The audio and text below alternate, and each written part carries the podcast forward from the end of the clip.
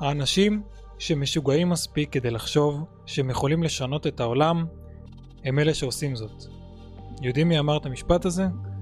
זה אחד הציטוטים הכי מפורסמים של לא אחר מאשר סטיב ג'ובס. אני באופן אישי מאוד מאוד מחובר לסטיב וגם למוצרים שלו, כמובן שזה התחיל מהמוצרים ורק אז אתה באמת מבין מי עומד מאחורי כל הדבר הזה שנקרא אה, אפל.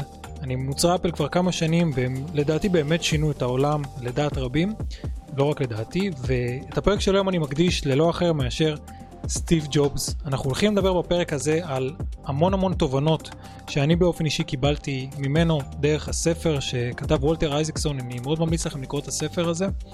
אה, זה ספר בעצם אוטוביוגרפי על כל החיים של סטיב ג'ובס, ממש מהרגע שהוא נולד ועד הרגע שהוא הלך בטרם מת מן העולם. הפרק הזה מספר ממש את כל הסיפור שלו, את הסיפור של אפל. מקצה לקצה דרך המון המון רעיונות אישיים שעשה וולטר אייזקסון, כותב הספר יחד עם סטיב. אה, בעצם הספר הזה נותן נקודת אור מאוד מאוד מאוד אה, עמוקה על כל החיים של סטיב ועל אפל ובאמת הספר הזה מאוד מומלץ, קראתי אותו פעמיים, ספר ארוך אבל באמת שווה לקריאה ורציתי לחלוק איתכם חברים בפרק הזה מספר תובנות מאוד מאוד חשובות אה, מסטיב ג'וז, מאפל, מאיך שהכל עובד, מאיך שהכל נראה, מאיך שהכל קרה וקורה עוד היום אז יאללה, אתם מוכנים? הרבה זמן עשינו פרק סולו שלי יחד איתכם אז בואו נתחיל, בואו נצלול ישר לתובנות מאת סטיב ג'ובס. תובנה ראשונה היא שאנשים כן מסתכלים בקנקן וכן מסתכלים במה שיש בתוך הדבר הזה, באריזה עצמה. יש את המשפט המפורסם שאומר אל תסתכלו בקנקן אלא במה שיש בו, וסטיב ג'ובס הבין שצריך לעשות בדיוק הפוך. כי אנשים כן מסתכלים בקנקן, ומכאן באה התשוקה שלו, האובססיה שלו לכל מה שקשור לאריזה, למוצר עצמו, איך זה נראה, איך זה מרגיש, איך הקופסה נראית, איך הניילון נראה, הרי אני בטוח שרוב מי ששמע את הפרק הזה קנה מתישהו מוצר כזה או אחר של אפל, אני בטוח שזה נוגע לרובכם, ואני בטוח שכשפתחתם את האריזה, התרגשתם, מיששתם את הקופסה, מיששתם את המוצר, את הניילון או את הדף הזה שמכסה את המסך של המק או של האייפון עצמו, גם באוזניות, בעצם באייפד, באמת בכל מוצר של אפל הושקעו המון המון אה, פרטים, זמן, מחשבה, אנרגיה, באריזת המוצר, בתחושה שלה, בקופסה עצמה, בנראות שלה, ממש בהכל מקצה לקצה, בכל פרט ופרט, ואני כמובן רוצה לחבר גם את התובנה הזו וגם את כל התובנות הבאות לעסקים שלנו, לעסקים שלכם, של המאזינים של הפודקאסט הזה. אמ, בואו ניקח את התובנה הזאת שאנשים מסתכלים כן בקנקן, באריזה, וזה לוקח אותנו היום לשיווק שלנו כמובן, לאיך שאנחנו נראים דיגיטלית בשיווק.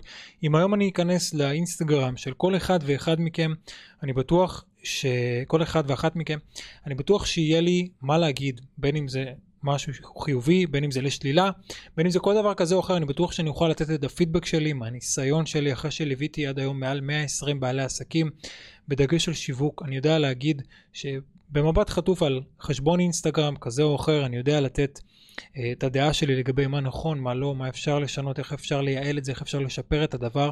ואני אומר אינסטגרם, כי אינסטגרם זה בסוף האריזה, זה איך אתם נראים. רובנו משווקים באינסטגרם עסקי השירות. אנחנו בעצם משתמשים בפלטפורמה הטובה ביותר לעסק הזה, זו דעתי, אינסטגרם, הסטורי שאי אפשר להחליף אותו, התוכן שעולה לשם בצורה הטובה ביותר, אם זה הרילזים, אם זה התמונות, באמת הסטורי, זה שאפשר לשים כמובן את הקישור ב bio להנעה לפעולה.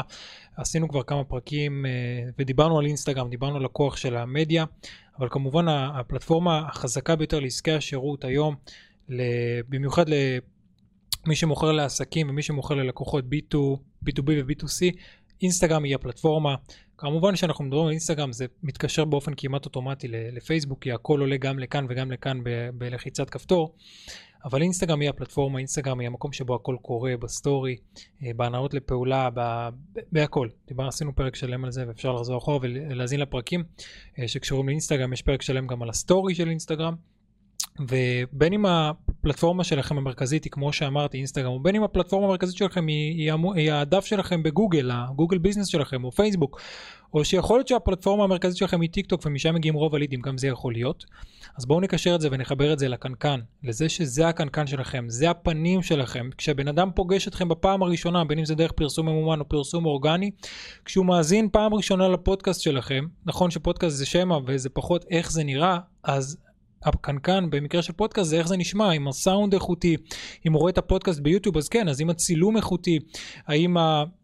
האם כל האריזה נראית איכותית, השם של הפרק או התמונה של הפודקאסט או שוב האיכות של הצילום הכל זה בסוף איך זה נראה כלפי חוץ, זה לפני הכל, זה הרושם הראשוני שלכם, זה איך אתם נראים, איך אתם מתלבשים, איך אתם נראים כשאתם מעלים סטורי, איך אתם נראים כשאתם מעלים סרטונים, האם הסרטון איכותי, האם הסאונד איכותי, אני מדבר כבר על, על התוכן, על הוידאו שאתם מעלים לרשתות החברתיות, איך הכל נראה, איך הכל נשמע, איך זה, זה פשוט מעביר את החוויה בצורה שאין שני לה, ואם אתם עושים את זה בצורה נכונה ואיכותית, אנשים רואים את זה, אנשים מסתכלים על זה, אנשים כן מסתכלים בקנקן, גם לדעתי וגם לדעת סטיב, ובעצם בוחנים ושופטים ומסיקים מסקנות לגבי איך אתם נראים, בין אם זה באינסטגרם, בין אם זה בפייסבוק, טיק טוק, בין אם זה בפודקאסט שלכם, ביוטיוב שלכם, כל ערוץ שיווק כזה או אחר זה לא משנה, האתר שלכם, העמוד נחיתה שלכם, אנשים מסתכלים על זה, אנשים מסיקים מזה מסקנות, מבינים מה אתם משדרים, מבינים מי אתם, אם זה נראה זול, אם זה נראה מקצועי, אם זה נראה ילדותי, אם זה נראה רציני, אם זה נראה תוקפני, אם זה נראה רך, אם זה נראה רגוע, אם זה נראה עצבני, אם זה נראה מקושט מדי, אם זה נראה, אמ, אם זה נראה צועק מדי. שוב, אנשים מסיקים מסקנות לגבי הכל, האריזה היא כן חשובה. שימו לב לאריזה שלכם, לא משנה באיזה פלטפורמה, לא משנה איפה היא נמצאת, שימו לב שזה, איך זה נראה כלפי חוץ, איך זה מצטער כלפי חוץ, איך הקהל שלכם יכול לתפוס אתכם אם פעם ראשונה היום הייתם מגיעים לעמוד אינסטגרם שלכם והייתם מסתכלים ככה במבט חטוף מה הייתם חושבים על זה אם לא הייתם באמת מכירים את עצמכם, נכון? זה קצת קשה לתת את הדעה הזאת. אז אתם יכולים לשאול חבר או חברה שלא קשורים לעולם העסקים, להראות לו את העמוד אינסטגרם שלכם ולשאול אותו איך זה נראה בעיניו, מה, מה, מה הוא מרגיש מזה, מה הוא מקבל מזה, מה זה משדר אליו ולקבל אה, דעות מבחוץ, לקבל דעה שהיא לא הדעה שלכם כי אנחנו בסופו של דבר משוחדים, אני חושב שהאינסטגרם שנראה הכי טוב בעולם, אבל אם אני אשאל חבר שהוא איש מקצוע ב... אה, תחום כזה או אחר, ואני אגיד לו, תגיד, אם היית עכשיו לקוח שלא כל כך מכיר אותי, והיית מגיע לאינסטגרם שלי היום בטעות, מה היית חושב? מה זה משדר לך? מה, מה השלוש האסוציאציות הראשונות שעולות לך לראש? ואפשר להבין מהדבר הזה הרבה. אז בואו הנה, קחו תרגיל ותעשו את זה. קחו את הפלטפורמה שאתם משתמשים בה הכי הרבה, בין אם זה הדף נחיתה, בין אם זה הפודקאסט, בין אם זה היוטיוב, בין אם זה הטיק טוק, תביאו את זה למישהו שפחות בא מהתחום, פחות בא מהמקצוע, ותנו לו לתת החוות דעת שלו לג... על הדבר הזה, על הפלטפורמה שלכם, על איך שאתם נראים, כדי לקבל, לקבל חוות דעת אמיתית מבחוץ. אה, בכוונה לשפר ולשדרג ולייעל את כל מה שאתם עושים, כי אנחנו בסוף ביום יום פשוט עובדים ופשוט רצים ופחות שמים לב, פחות שמים לב לפרטים הקטנים, ויכול להיות שרק דעה אחת של מישהו יגיד, תקשיב, הכל טוב ויפה, אבל הסרטון נראה קצת לא איכותי, ראיתי סרטונים כאלה כמו שלך, אבל הם נראים הרבה יותר איכותיים, ואז פשוט מה שאתם צריכים לעשות זה כנראה לקנות מצלמה חדשה, או אייפון חדש, או מה שזה לא יהיה.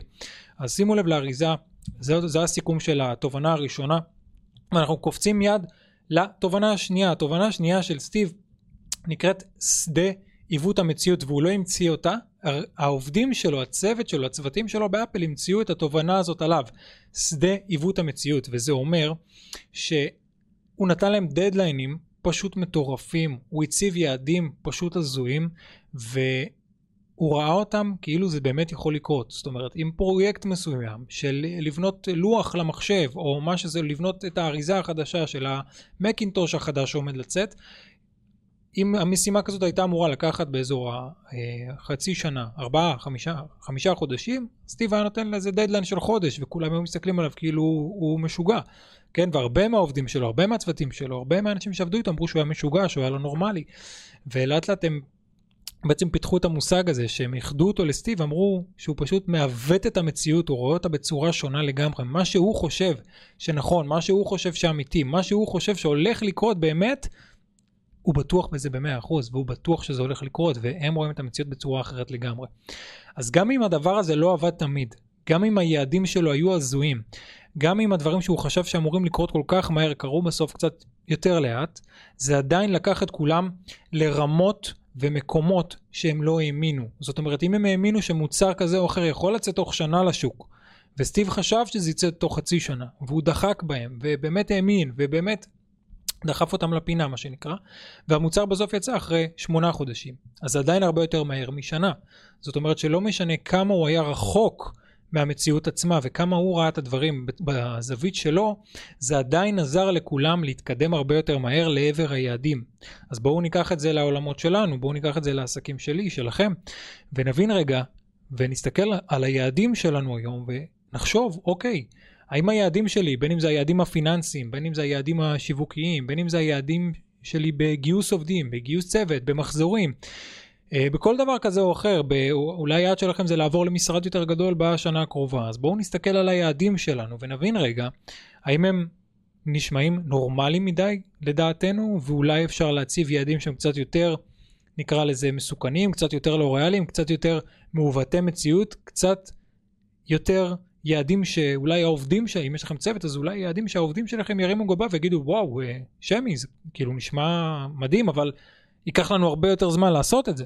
ניקח דוגמה, אמ, כמו שאתם יודעים, אנחנו אה, בצוות שלנו בברנד, אנחנו עושים המון דברים עבור בעלי עסקים, בין אם זה פרסום ממומן, דפי נחיתה, כתיבה שיווקית, צילום ועריכת סרטוני תוכן, ייעוץ ואסטרטגיה, בניית משפחי שיווק ועוד המון דברים.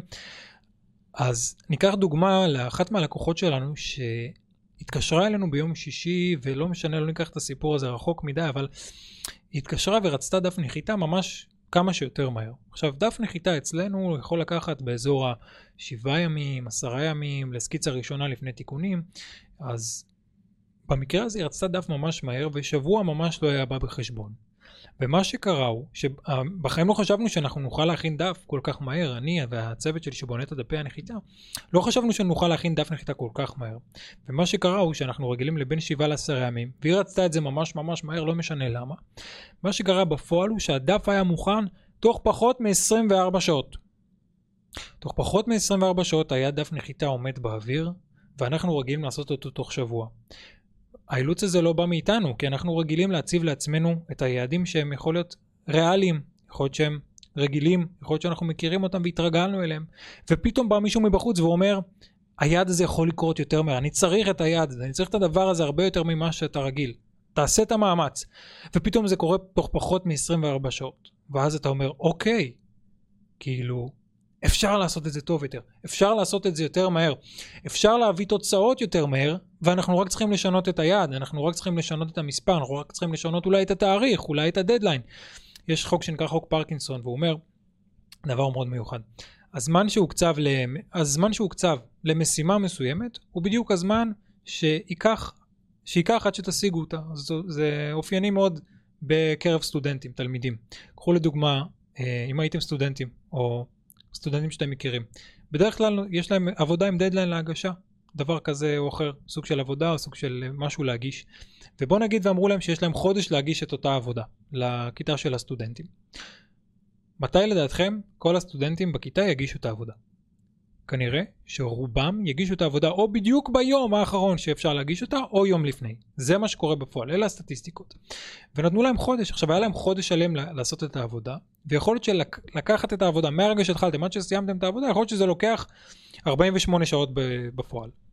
אבל אף אחד לא יעשה את זה תוך יומיים, כי כל אחד אומר לעצמו, בואנה יש לי עכשיו חודש להגיש את העבודה, אז אני אקח את הזמן ואני אגיש אותה עוד חודש, נכון? ככה זה, ככה זה רובנו, אנחנו, אנחנו עצלנים, בסופו של דבר בני האדם, רובם הם כאילו, אוקיי, יש זמן, יש זמן, יאללה בוא נדחה את זה למחר, כולנו דחיינים, כולנו עצלנים, עד כמה שאנחנו לא מוכנים להודות בזה, אנחנו נעדיף לקחת את, לקחת כל משימה ולהגיד, אם אפשר לעשות את זה מחר, נעשה מחר, אם אפשר עוד שבוע וזה לא דחוף, אז נעשה את זה עוד שבוע, אבל אנחנו כבעלי עסקים לא יכולים לדחות משימות, זה במיוחד שלכל משימה יש הקשר, במיוחד שכל משימה יש לה קשר ישיר לכסף שאנחנו מכניסים בסוף החודש לכיס, ולכן אנחנו רוצים להבין שאם הגדרנו לעצמנו יעד, אנחנו כנראה נעמוד ביעד הזה, אבל רק בדדליין שהגדרנו לו מראש. הגדרנו שבוע לדף נחיתה, אז יהיה מוכן עוד שבוע.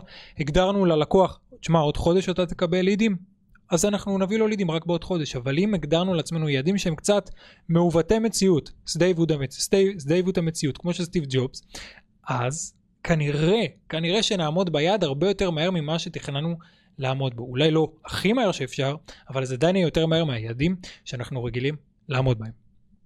נעבור לתובנה הבאה. סטיב ג'ובס שכר אנשים חזקים מאוד. הוא לקח את הטובים ביותר, הוא לקח אנשים שיותר טובים ממנו בהמון המון דברים. כי הרי כמו שאתם יודעים, סטיב ג'ובס לא ישב ובנה את האייפון, הוא לא ישב ובנה את המחשב. היו לו את האנשים הספציפיים והטובים ביותר בכל תחום לכל פרויקט.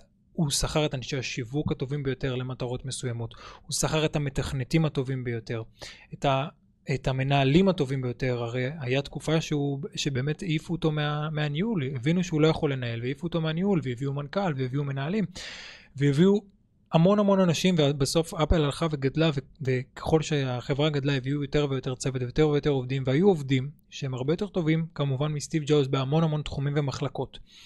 הוא פשוט ידע להפעיל אותם, הוא ידע להסביר להם מה הוא רוצה, איך זה אמור להיראות, איך זה אמור להתבצע, הוא היה באמת המוח מאחורי המון המון דברים והמון המון פרויקטים, אבל הוא הביא אנשים שידעו לבצע את העבודה כמובן הרבה יותר טוב מאשר הוא היה מבצע אותה. סטיב ג'ובס לא היה מתכנת, אבל הוא הביא מתכנתים מדהימים.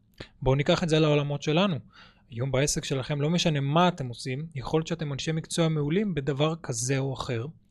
אתם יודעים לתת תוכניות כושר, אתם יודעים לעשות תוכניות פיננסיות, אתם יודעים ללמד שוק ההון, אתם יודעים לעשות שיווק, אתם יודעים לעשות דבר כזה או אחר, לא משנה מה אתם מומחים, מה העסק שלכם. אתם יודעים לעשות אותו. אבל כמה דברים אתם לא יודעים לעשות שהכרחיים לעסק שלכם?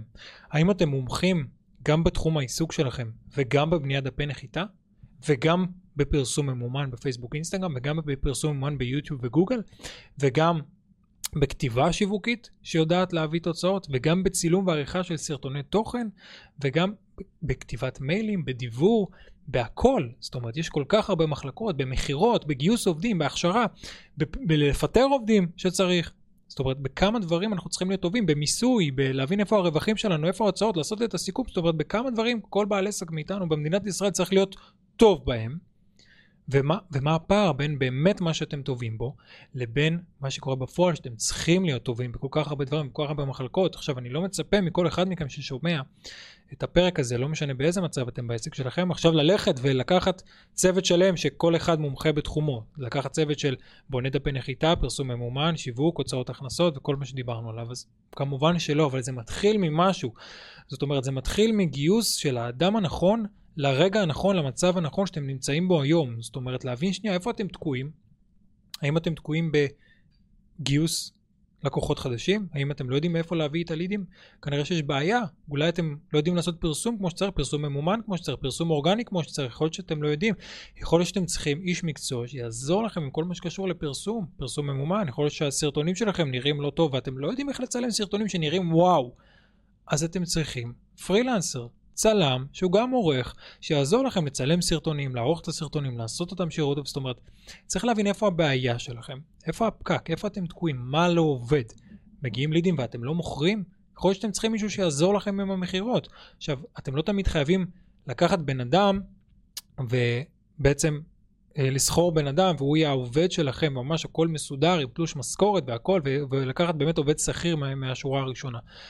בתור בעל עסקים מתחילת הדרך, אני ממליץ לכם, קחו פרילנסרים. לפי פרויקט, ככה אתם לא חייבים לשלם להם בסוף החודש כל פעם את אותו סכום. אתם משלמים, להם, אתם משלמים להם לפי פרויקט. אם עכשיו אתם צריכים לתת ללקוח דף נחיתה, ואתם פחות טובים בזה. לקחתם פרילנסר שהוא תותח בדפי נחיתה, עושה את זה יותר טוב ויותר מהר. אתם משלמים לו לפי פרויקט ופשוט גוזרים את העמלה וגם ככה אתם ממנפים את הזמן שלכם. אתם גם עושים רק את מה שאתם טובים בו וגם קונים לעצמכם המון המון זמן יקר, שזה מאוד מאוד חשוב היום. אתם יודעים, הזמן זה הדבר הכי יקר שיש, ואם אתם מבזבזים את הזמן על דברים שאתם לא טובים בהם, זה גם יצא בינוני וגם בזבזתם את הזמן. אז, אז בתור התחלה קחו פרילנסרים, ואם יש לכם כוח, אם יש לכם כוח קנייה ותקציבים ואתם כבר גדולים, מעולה, אתם יכולים לקחת עובדים ממש, אה, אה, עובדים שכירים לכל מחלקה, כמובן, זה לא פרק על גיוס עובדים, אבל לעשות את זה כמובן נכון, עם הכשרה נכונה, עם סיסטמים נכונים, אבל זה לא הפרק הזה. כמובן שאנחנו רוצים פה רק להעביר את הנקודה שלקחת אנשים טובים זה לא בושה, וכמובן להגיד שיש אנשים שהם הרבה יותר טובים ממני בכל מיני מחלקות זה לא בושה, ולהיעזר באנשים האלה רק יעזור לי ורק יגדיל אותי. עוברים לתובנה הבאה. אובססיביות לפרטים הקטנים. נגענו בזה קצת בקט, בכל הקטע של האריזה של כל מוצרי אפל, ופה אנחנו אה, הולכים לאובססיה לפרטים הקטנים בתוך המפעלים, בתוך החנויות של אפל, הרי הכל מדויק, הכל עובד לפי הספר. האיכות של כל מוצר היא האיכות הטובה ביותר, בין אם זה הזכוכית, בין אם זה הבטריה, בין אם זה המסע, בכל דבר, כל, כל פרט שנכנס לכל מוצרי אפל מאז ועד היום הוא מאוד איכותי. זאת אומרת, הוא, הוא עובר באמת בקרות איכות כאלה ואחרות, אנחנו לא, לא ניכנס לזה, אני גם לא איש טכני, אבל סטיב, סטיב מדבר על זה שהייתה לו אובססיה לפרטים הקטנים, לכל דבר שקשור למוצר, הוא לא התפשר אפילו לא, אפילו לא על הדבר הקטן ביותר. גם אם זה בחנויות של אפל, גם אם זה במוצרים של אפל, גם אם זה באריזת קרטון של אפל, הוא לא התפשר. באריזת קרטון של המוצר הוא לא התפשר פשוט על כלום, והאובססיה הזאת לפרטים הקטנים יכולה לבוא לידי ביטוי גם אצלנו בעסקים. אובססיה לפרטים הקטנים, בכל מה שקשור לשירות לקוחות, כמה השירות לקוחות שלי טוב, כמה השביעות רצון של כל לקוח ולקוח שלי טובה, איך אני יכול להיות אובססיבי כלפי השירות שלי ו, ולשאול לקוח ברמה היומית, מה קורה, מה העניינים, איך אתה מתקדם, איך אפשר לעזור, מה עוד חסר לך. שוב, זה יכול, תלוי באמת מה העסק, מה השירות שלכם, מה אתם מוכרים, אבל יכול להיות שאתם צריכים לעבור ולתת את ההתעניינות שלכם בלקוח ברמה היומית, ברמה השבועית, ברמה החודשית, ברמת שיחת טלפון, ברמת פגישת זום, זה יכול להיות העובד שלכם, המזכירה שלכם, מה שזה לא יהיה. אנחנו מדברים על שירות, אז בואו נדבר על מכירה, בואו נדבר על שיווק. להיות אובססיבי לפרטים הקטנים בשיווק, אומר להסתכל על הדף נחיתה ולהבין רגע מה כל section אומר, איך זה נראה כלפי חוץ, אולי אני רוצה לבנות עוד דף נחיתה דומה ולעשות שינויים כדי לעשות A-B testing לדף נחיתה, לעשות A-B testing למודעה, להיות אובססיבי לגבי ה copy ולבנות אולי 4-5 copy לכל מודעה כדי להבין מה עובד יותר טוב, אנחנו יורדים פה בעצם לרזולוציות של פרסום ממומן, אבל אנחנו מדברים פה על העיקרון שאומר אובססיביות על הפרטים הקטנים ולא להזניח, לא להזניח את האינסטגרם, לא להזניח את הפרסום, לא להזניח את הסרטוני וידאו, את הפרסום הממומן, את שיחת המכירה, את השירות, בעצם כל מחלקה ומחלקה בעסק שלכם. לא להזניח ולהפך להיות אובססיבי לפרטים הקטנים בכל מחלקה, כדי שכל מחלקה תהיה וואו, תעבוד וואו, ובסוף תשרת אתכם, תביא לכם את התוצאות הטובות ביותר. נעבור לדבר הבא. שיווק זה הכל. גם סטיב ג'ובס ידע ששיווק הולך לפני כל הדבר הזה שנקרא אפל, כי בלי שיווק הוא ידע שאנשים לא יקנו. וזה מדהים לקרוא איך הם עשו את השיווק שלהם בשנות ה-70, שנות ה-80, בשנות ה-90, כל ההקמה של כל הדבר הזה, איך הם עשו את האירועים הראשונים. וזה באמת מדהים לקרוא, והמלצתי לכם כבר ללכת ולרכוש את הספר ולקרוא אותו, כי הוא באמת מדהים. ואנחנו מדברים בפודקאסט, בפודקאסט הזה כל הזמן על שיווק, ופגשתי את זה גם בספר. והאירועים של אפל, וכל מערך השיווק והפרסום, ואיך שהם עשו את הדברים נכון, הכל כתוב, אמ, ואתם יכולים לחזור קצת אחורה בהיסטוריה ולראות את האירועים ואת ה... איך סטיב ג'ובס עמד על הבמה, ואיך הוא חשף את האייפון הראשון, ואיך הוא חשף את המקינטוש, ואיך הוא חשף את האייפוד ואת האייפד, ולראות את האירועי. באמת רק לעשות את זה יעשה לכם סדר, לראות את האירועי השקה. אה, זה נמצא ביוטיוב של סטיב ג'ובס, את כל ההשקות של המוצרים, פשוט מדהים לראות איך הוא משווק, איך הוא מדבר על הדברים, איך הוא מציג אותם. הוא הבין ששיווק זה הכל, הוא עשה את זה פנומנלי, הוא בין הטובים בעולם שעשו את זה באמת ככה על במה וחש, וחשפו ככה את החברה ואת המוצרים. פשוט מדהים לראות את זה. אז גם סטיב ג'ובס הבין, וגם אתם מבינים ששיווק זה הכל, הרי לא סתם אנחנו פה בפודקאסט הזה שזה השם שלו. אמ, תתייחסו לשיווק שלכם ברצינות, תלמדו מהטוב ביותר שעשה את זה אה, אז ולתקופה של עשרות שנים. תראו איך הוא עשה את זה נכון, יפה, אמ, מסודר, הכל באמת על ידי פרטים הקטנים. קראו את הספר, תראו את הסרטונים ביוטיוב, זה יעשה לכם הרבה סדר. נעבור לדבר הבא. סטיב ג'ובס לא ויתר, אם ידעתם או לא, זרקו אותו מהחברה, זרקו אותו מחברת אפל ממש ככה, אולי אתם מופתעים לשמוע, מי שלא שמע את זה אז יכול להיות שיופתע, מי ששמע את זה זה מצוין, והוא מבין שאם זרקו את סטיב, את סטיב ג'ובס מהחברה שהוא הקים, אפל עצמה זרקה אותו מהחברה שהוא הקים, והוא עדיין לא ויתר, והוא הלך והקים עוד חברה שנקראת נקסט, והוא חבר, ל, חבר לוולט דיסני ולפיקסאר, והוא עשה איתם דברים מדהימים, והוא עשה באמת כל כך הרבה עשייה יש באיש אחד, לא ויתר, והמשיך להוציא מוצרים ולהוציא דברים מדהימים לעולם. והספר באמת נוגע בכל התהליך הזה, מהיציאה שלו מאפל ועד לחזרה שלו לאפל, ומראים כמה הבן אדם הזה היה חדור מטרה, כמה הוא לא ויתר, כמה הוא רצה לשנות את העולם, כמה הוא רצה להביא את הדברים הכי איכותיים והכי טובים שיכולים להיות לשוק. ולעשות רק טוב לצרכנים, ולעשות רק טוב לעולם, ולהביא באמת את הדברים הטובים ביותר, אז פשוט לקחת ממנו את ההשראה הזאת של לא לוותר, להמשיך, למרות הכל, לא משנה מה קורה, גם אם זורקים אתכם מהחברה ומהעסק של עצמכם.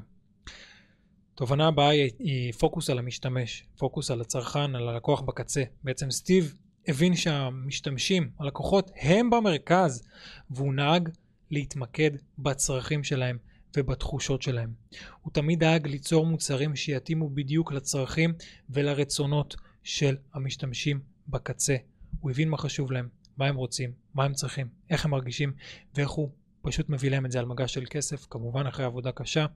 מוצרים כמו האייפוד, מוצרים כמו האייפד, כמו האייפון, כמו האוזניות, כמו המקינטוש הראשון ועד למקבוק האחרון, כל מוצר ומוצר הוא באמת יורד לרזולוציות הכי נמוכות. אני באופן אישי משתמש בכל מוצרי אפל ואני ממליץ גם לכם, אבל כמובן שזאת העדפה אישית.